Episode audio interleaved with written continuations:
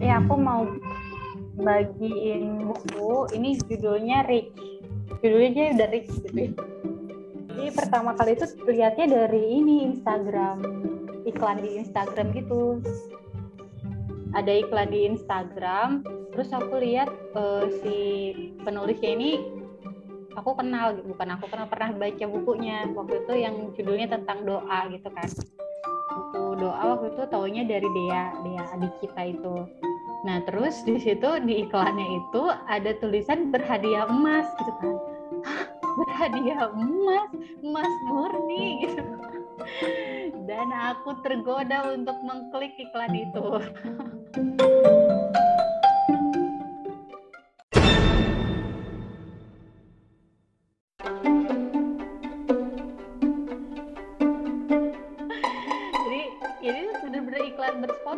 iklan dari teman gitu kan iklan bersponsor ini memang luar biasa ya algoritma Instagram.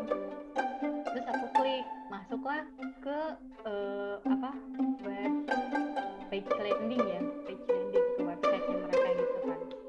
Uh, dibaca dibaca dibaca terus intinya yaitu ada hadiah emasnya gitu.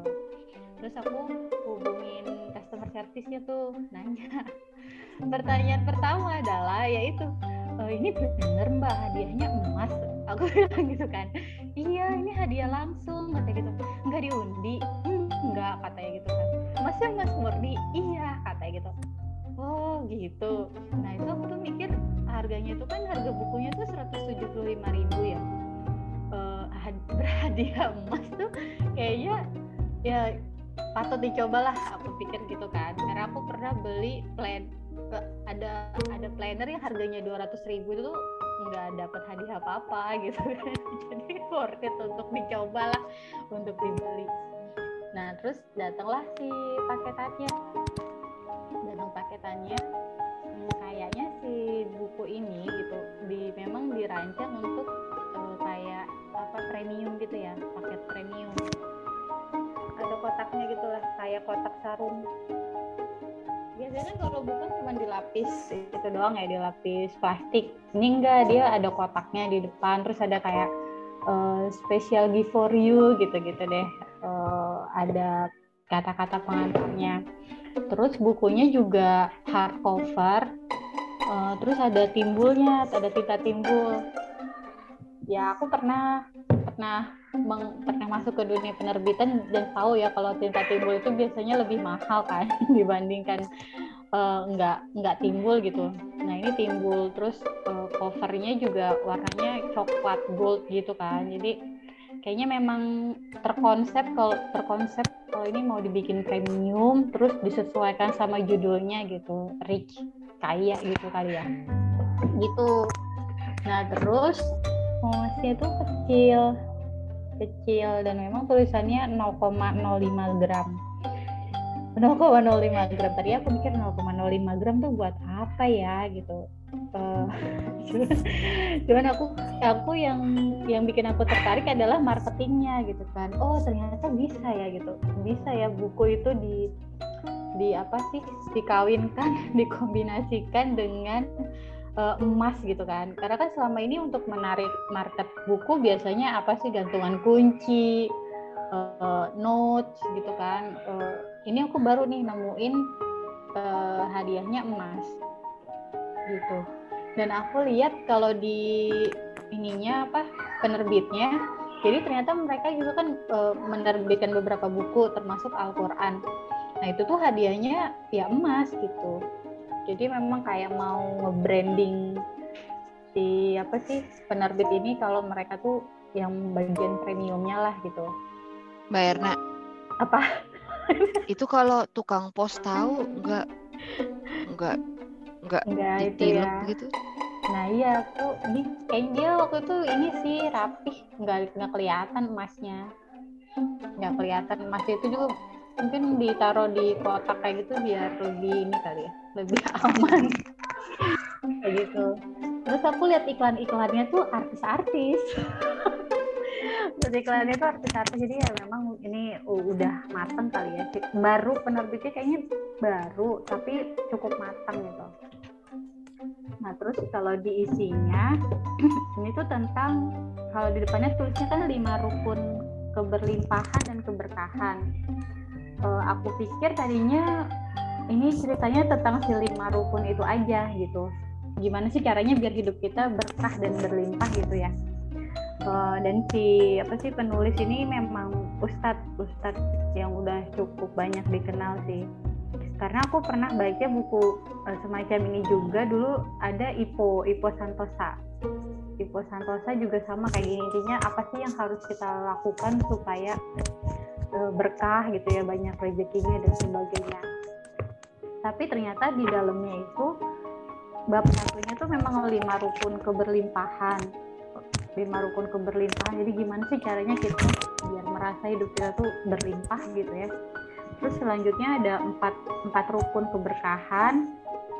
Terus sisanya tuh eh ada dua bab dua bab lagi yang menurut aku tuh nggak terlalu nyambung sama dua bab sebelumnya itu tentang bukan manusia super sama keindahan menghadapi kematian terus ada bonus cerita tentang corona gitu terus kalau lihat dari bahasanya bahasa tulisannya aku menduga juga nih, aku menduga kalau ini tuh sama kayak kasusnya buku Farhodin Faiz kemarin gitu. Jadi ini adalah ceramah yang dijadikan buku gitu kan. Ceramah-ceramah yang dijadikan buku. Ini masih asumsi ya, aku nggak tahu karena nggak diceritain. Karena di akhir di, di, ada salah satu halaman yang itu tuh dia kalimatnya tuh masih nyam, masih nyambung gitu. Kata-kata itu nggak ada spasinya kata-kata itu nggak ada spasi kita kan tahu kadang kalau dari yang pakai aplikasi speech to text itu kan dia nggak langsung hmm, rapi gitu ya harus diedit dulu. Nah mungkin itu yang bagian lupa editnya atau gimana cuman kesannya yang aku dapat kayak gitu gitu. Karena bahasanya juga mirip sama bahasa lisan. Ini masih asumsi ya masih asumsi. Tapi aku jadi jadi terinspirasi juga bukan terinspirasi terinsight terinsight bahwa ternyata uh, gini waktu itu kan aku sempat punya kekhawatiran sendiri ya apakah video pengetahuan lewat video lewat YouTube itu akan menggantikan buku gitu kan? Ya sekarang mah di YouTube semua udah ada gitu ya semuanya gitu. Di Instagram semua ada dalam bentuk video dan ada kecenderungan orang lebih menyukai itu gitu. Karena gampang dilihat gampang dicari uh, gratis gitu kan. Tapi dengan fenomena ini gitu fenomena video jadi buku. Aku aku mengambil kesimpulan kalau ternyata mereka tidak saling menggantikan gitu. Video dan buku ini tidak saling menggantikan tapi saling melengkapi. Gitu kan? Kayak tadi uh, dari video ke buku itu ternyata bisa gitu dan itu saling melengkapi. Dan dua-duanya punya peminat gitu kan bukan berarti misalnya udah ada videonya bukunya nggak dibeli gitu. Karena ternyata ada juga orang-orang yang kayak aku yang ya udah aku pengen bukunya gitu kan. Karena ngerasa tuh lebih personal. Nah itu itu insight terlepas dari isi bukunya gitu ya. Itu insight yang yang yang aku ambil. Terus kalau dari isi bukunya sebenarnya ini dia mau ngasih tahu penulisnya itu mau mau ngasih tahu kalau keberlimpahan itu bukan hanya tentang materi gitu ya, tapi perasaan berkah, perasaan merasa cukup gitu.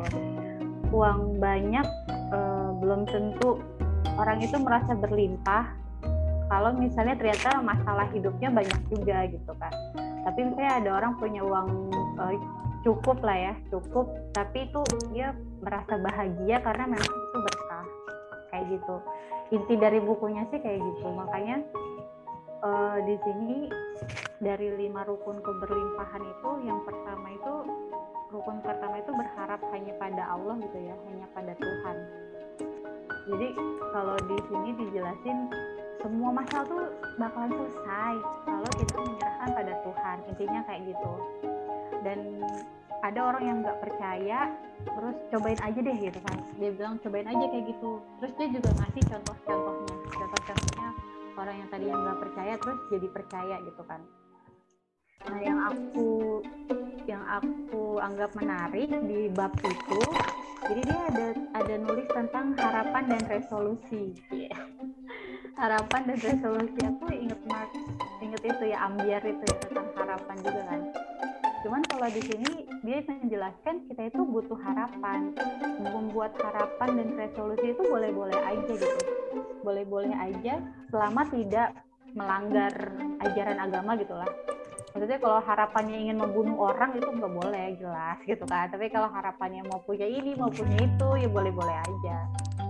Terus dia ngasih contoh ini jadi uh, ada jadi ceritanya orang Jepang ini pengen didatengin uh, ikan ikan-ikan besar ikannya untuk konsumsi gitu kan. Ikan-ikan besar untuk konsumsi. Tapi negara negara. Apa sih kalau yang next itu pengekspor apa pengimpor tuh?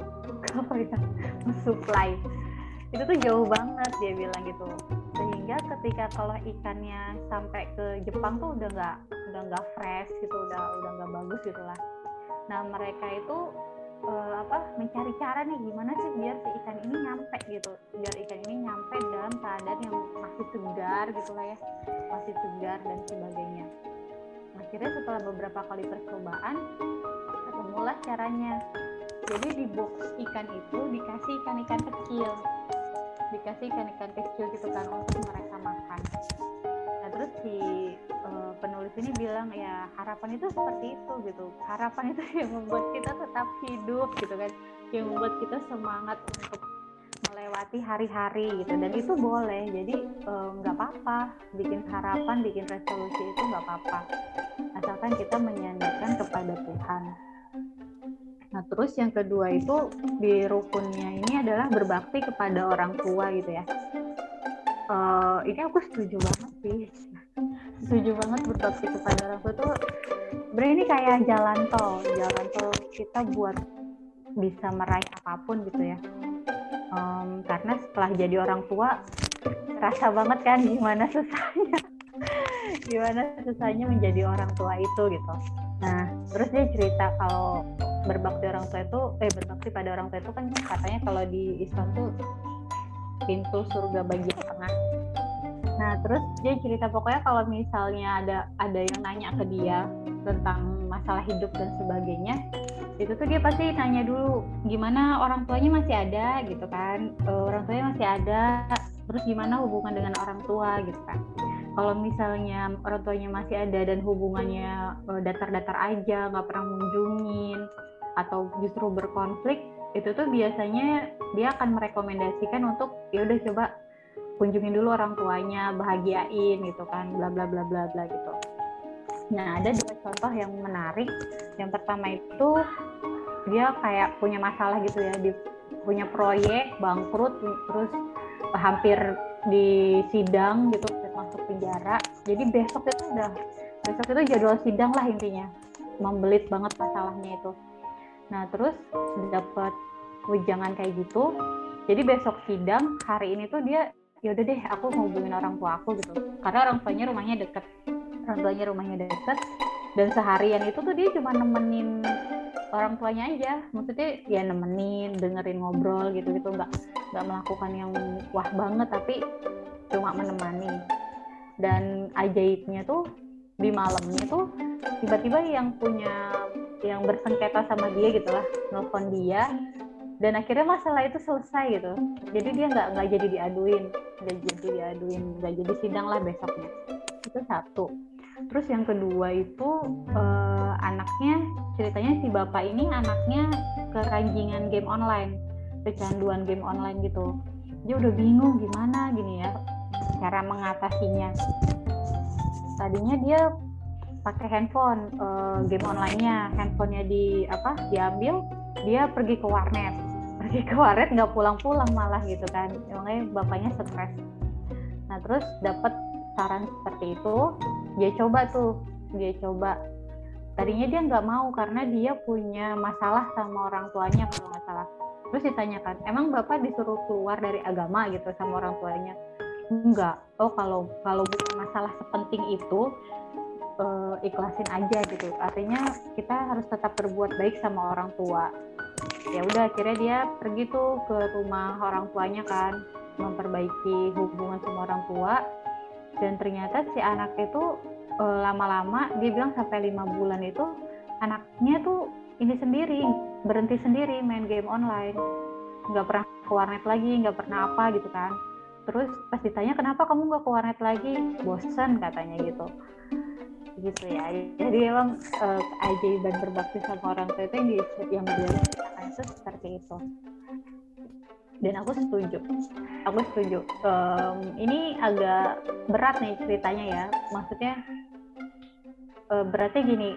Bukan berarti aku meragukan ilmu psikologi yang aku tempati tapi ilmu itu kan dimulai dari skeptis gitu ya. Kita skeptis makanya berkembang. Teori ini jadi teori dari teori ini kita skeptis lahir teori ini lahir teori dan sebagainya dan sebagainya. Itu alasannya aku tuh e, merasa tidak cocok dengan teori e, apa namanya tuh toxic parent ya. Teori toxic parent. Aku tuh nggak cocok. Yang pertama karena hmm, itu kan label.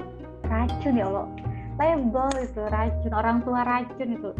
Orang tua dibilang racun itu sama kayak kita bilang anak kita nakal gitu kan. Walaupun itu anak misalnya tidak menyenangkan tapi kalau kita bilang nakal itu akan jadi label mindset kita akan ke sana gitu kan. Jadi aku memilih untuk tidak setuju sama itu sama toxic parent itu. Dan yang kedua aku membayangkan kalau aku yang dibilang gitu sama anak gitu ya balik dari pagi sampai pagi lagi berjuang gini itu demi anak. Terus tiba-tiba dibilang racun sama anak itu kan kayaknya uh, nyes banget gitu nyes banget. Jadi aku memilih untuk tidak. Dan di sini juga ada ceritanya bahwa kalau kita melakukan sesuatu tidak baik sama orang tua itu tuh balasannya langsung langsung di dunia gitu. Jadi ada waktu itu ceritanya dia ditampar sama anaknya sendiri di pasar gitu. Ada seseorang ditampar sama anaknya sendiri di pasar terus orang-orang tuh marah gitu sama si anak ini. Cuman bapaknya bilang jangan jangan marah. Dulu saya juga melakukan itu sama, sama orang tua saya sendiri dan saya menampar orang tua saya sendiri tepat di tempat saya ditampar sekarang kata dia gitu.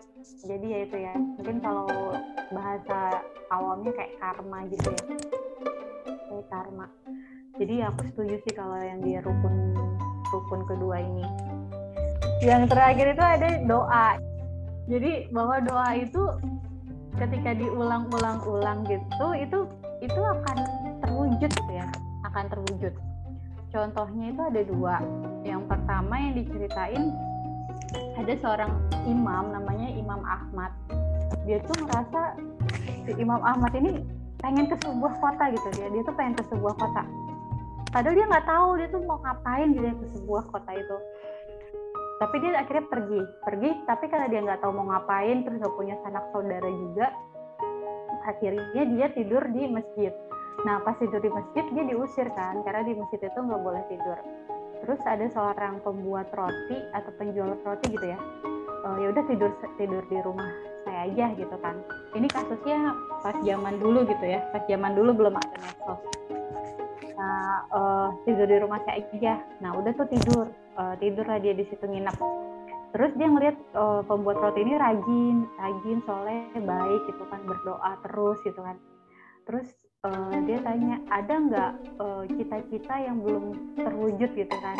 Uh, karena kamu ini kelihatannya soleh banget gitu ada dia bilang e, saya tuh berdoa ingin Imam Ahmad uh, apa nginep di rumah saya kata dia gitu. Karena dulu nama Imam Ahmad itu kalau kata kita tuh kayak nah apa sih narasumber yang udah kedengeran gitu ya namanya tapi nggak tahu mukanya kayak gimana karena belum ada medsos. Gitu dan akhirnya kata Imam Ahmad tuh wah pantesan gitu ya.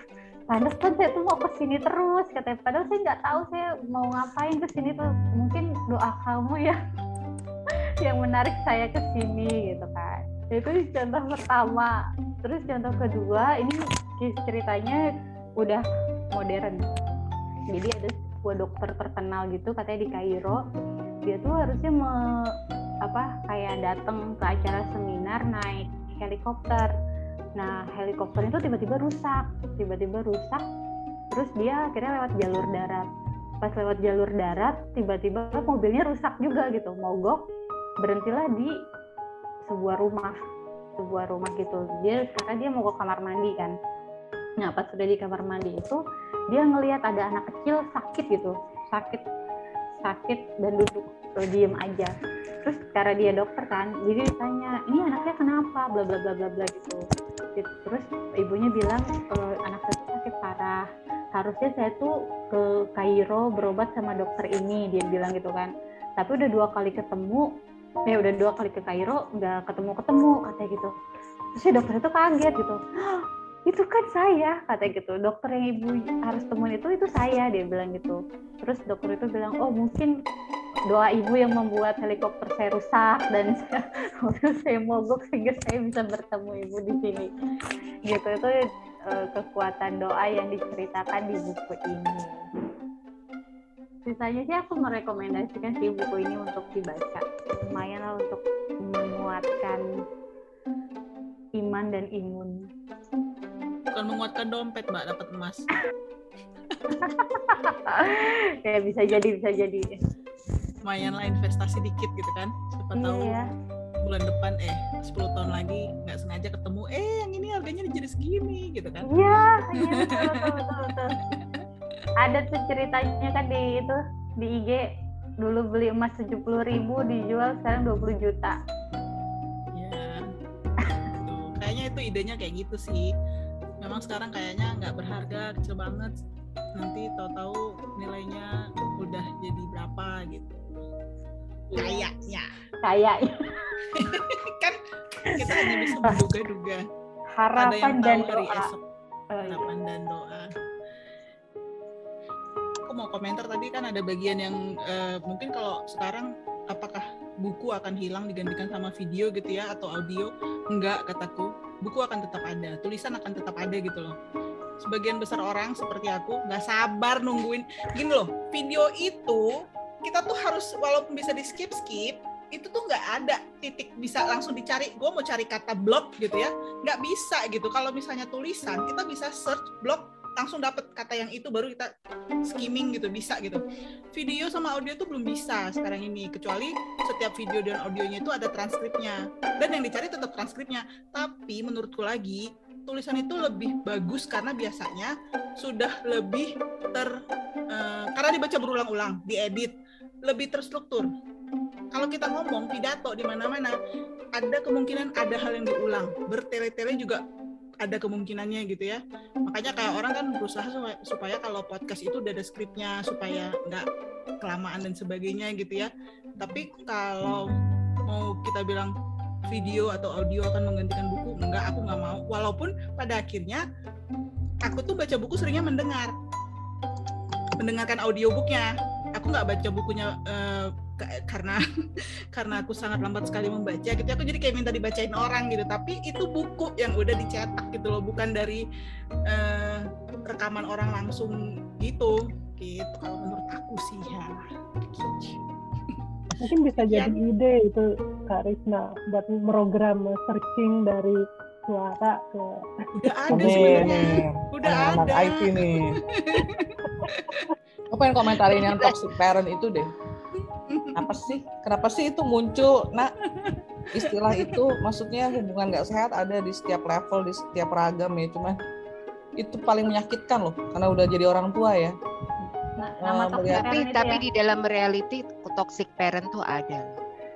Iya. Iya, cuman jangan dilabelin. Gak maksudnya gitu, kalau ngelihat-ngelihat film-film di Amerika gitu yang bener-bener orang tua yang neglect anak itu ada cuma kita karena kita dibesarkan terima kasih Tuhan oleh orang tua yang baik gitu. Terus kita juga berusaha jadi orang tua yang baik. Tapi orang tua yang misalnya memperkosa anaknya orang tua yang ngejual anaknya jadi uh, itu ada gitu loh. Jadi kadang kita juga nggak bisa juga sih bilang ah nggak boleh gitu. Karena memang orang-orang yang kepahitannya bener-bener ada dasarnya itu jadi nggak punya tempat juga menurut aku ya. Itu kan Bukan. itu kait itu kan teori dari luar kan sebenarnya toxic parent itu. Jadi ya sah-sah aja sebenarnya. Dan kalau di luar itu kan hmm, apa ya ya karena sikap skeptis itu jadi oh ini kurang. Terus ada teori barunya ada teori baru. Tapi aku lebih memilih enggak. Karena tadi itu kan label. Label itu yang yang di mindset. Kalau kita udah mindsetnya iya. kayak gitu ya orang tua yang mau beracun mau nggak beracun jadi beracun terus yang kedua ya karena uh, ya ini karena ada prinsip sih prinsip nilai agama gitu ya. Kalau di Islam itu kan bahkan ketika bahkan ketika eh, seorang orang orang tua dia cuman ngelahirin terus ninggalin gitu aja itu tetap perlu berbakti gitu. Tetap perlu berbakti. Kalaupun dia dalam artiku tuh ya bejat apa melakukan ya nggak bener ya itu jadi ladang amal buat kita anaknya gitu kan ya karena ya hmm, bisa jadi sih kayak aku juga tahu kan ada yang kayak bintang porno yang ibu sama anaknya gitu itu kan mungkin kita nggak bisa pikir ya dan aku dan aku berempati bahwa oh mungkin gitu. mungkin si pembuat teori toxic parent ini ngelihat orang-orangnya yang kayak gitu gitu ya Hmm. yang berlebihan banget sehingga muncullah toxic parent. Cuman kalau dari aku, dari aku pribadi karena ada prinsip tadi walaupun orang tua kita parah sih separah apa pun Ya. kita tetap punya kewajiban untuk meng- menghormati gitu kan. Ya iya, jadi memang baktinya itu sebenarnya bukan berarti kita menuruti atau apa gitu, tapi ya ya kita menjalani hal-hal yang sewajarnya lah kita memberikan penghormatan yang sewajarnya gitu. Cuma memang ada beberapa orang yang sebenarnya hidupnya nggak pahit-pahit amat gitu. Jadi gara-gara orang tuanya kayaknya nggak nggak Nurutin nggak kemauannya. oke-oke banget gitu, jadinya udah oh lo toksik lo gitu. Itu memang keterlaluan gitu. Tapi Ya, tapi bahkan bapak kita bapak kita nggak benar sekalipun ya misalnya kita nggak boleh ngerendahin dia atau apa. Tapi bukan berarti kalau misalnya bapak kita nggak benar terus ya udah kamu berarti ikut minum minum sama aku. Ya udah karena saya patuh gitu saya ikut ya kan nggak benar juga. Tapi itu Mbak, tapi kalau aku bilang ya eh bahwa kalau kita membereskan hubungan kita dengan sesama terutama kepada orang tua karena itu perintah agama ya memang lama-lama jiwa kita juga jadi tenang gitu. Terus jadi hubungan kita dengan anak kita tadi kan anaknya sebenarnya ini kan apa anaknya main game gitu. Jadi hubungan kita dengan anak kita juga lebih lancar karena kita juga nggak punya rasa kayak stres atau dendam yang di dendam yang tersimpan kayak gitu loh ngerti sih kenapa bisa muncul teorinya karena banyak kejadian. Aku cuman agak beratan sama ya itu terlalu gampang orang bilang toxic parent itu. Apalagi kalau lihat di Twitter ya di akun Manfest, Mention and Confession. Ya ampun itu cerita maksudnya gini apa sampai dalam hati ngomong udahlah ce lu nulis di Wattpad aja saking nggak percayanya orang tuh ada begitu ngerti nggak sih antara fiksi sama non fiksi udah udah blur banget dan berlindung di balik iya gua individu yang berhak begini begitu orang tua gue nggak mendukung mereka toksik ya nggak gitu juga kali gitu begitulah begitu. Kehidupan. Begitu. itu bedanya ya kalau kayaknya ya karena kita udah banyak baca kita juga lebih apa lebih terbuka gitu loh. Cara cara berpikirnya juga nggak langsung ngomong kotak-kotakan dan sebagainya. Nggak jaji nggak nggak meng- nggak menghakimi dan sebagainya gitu. Menerima perbedaan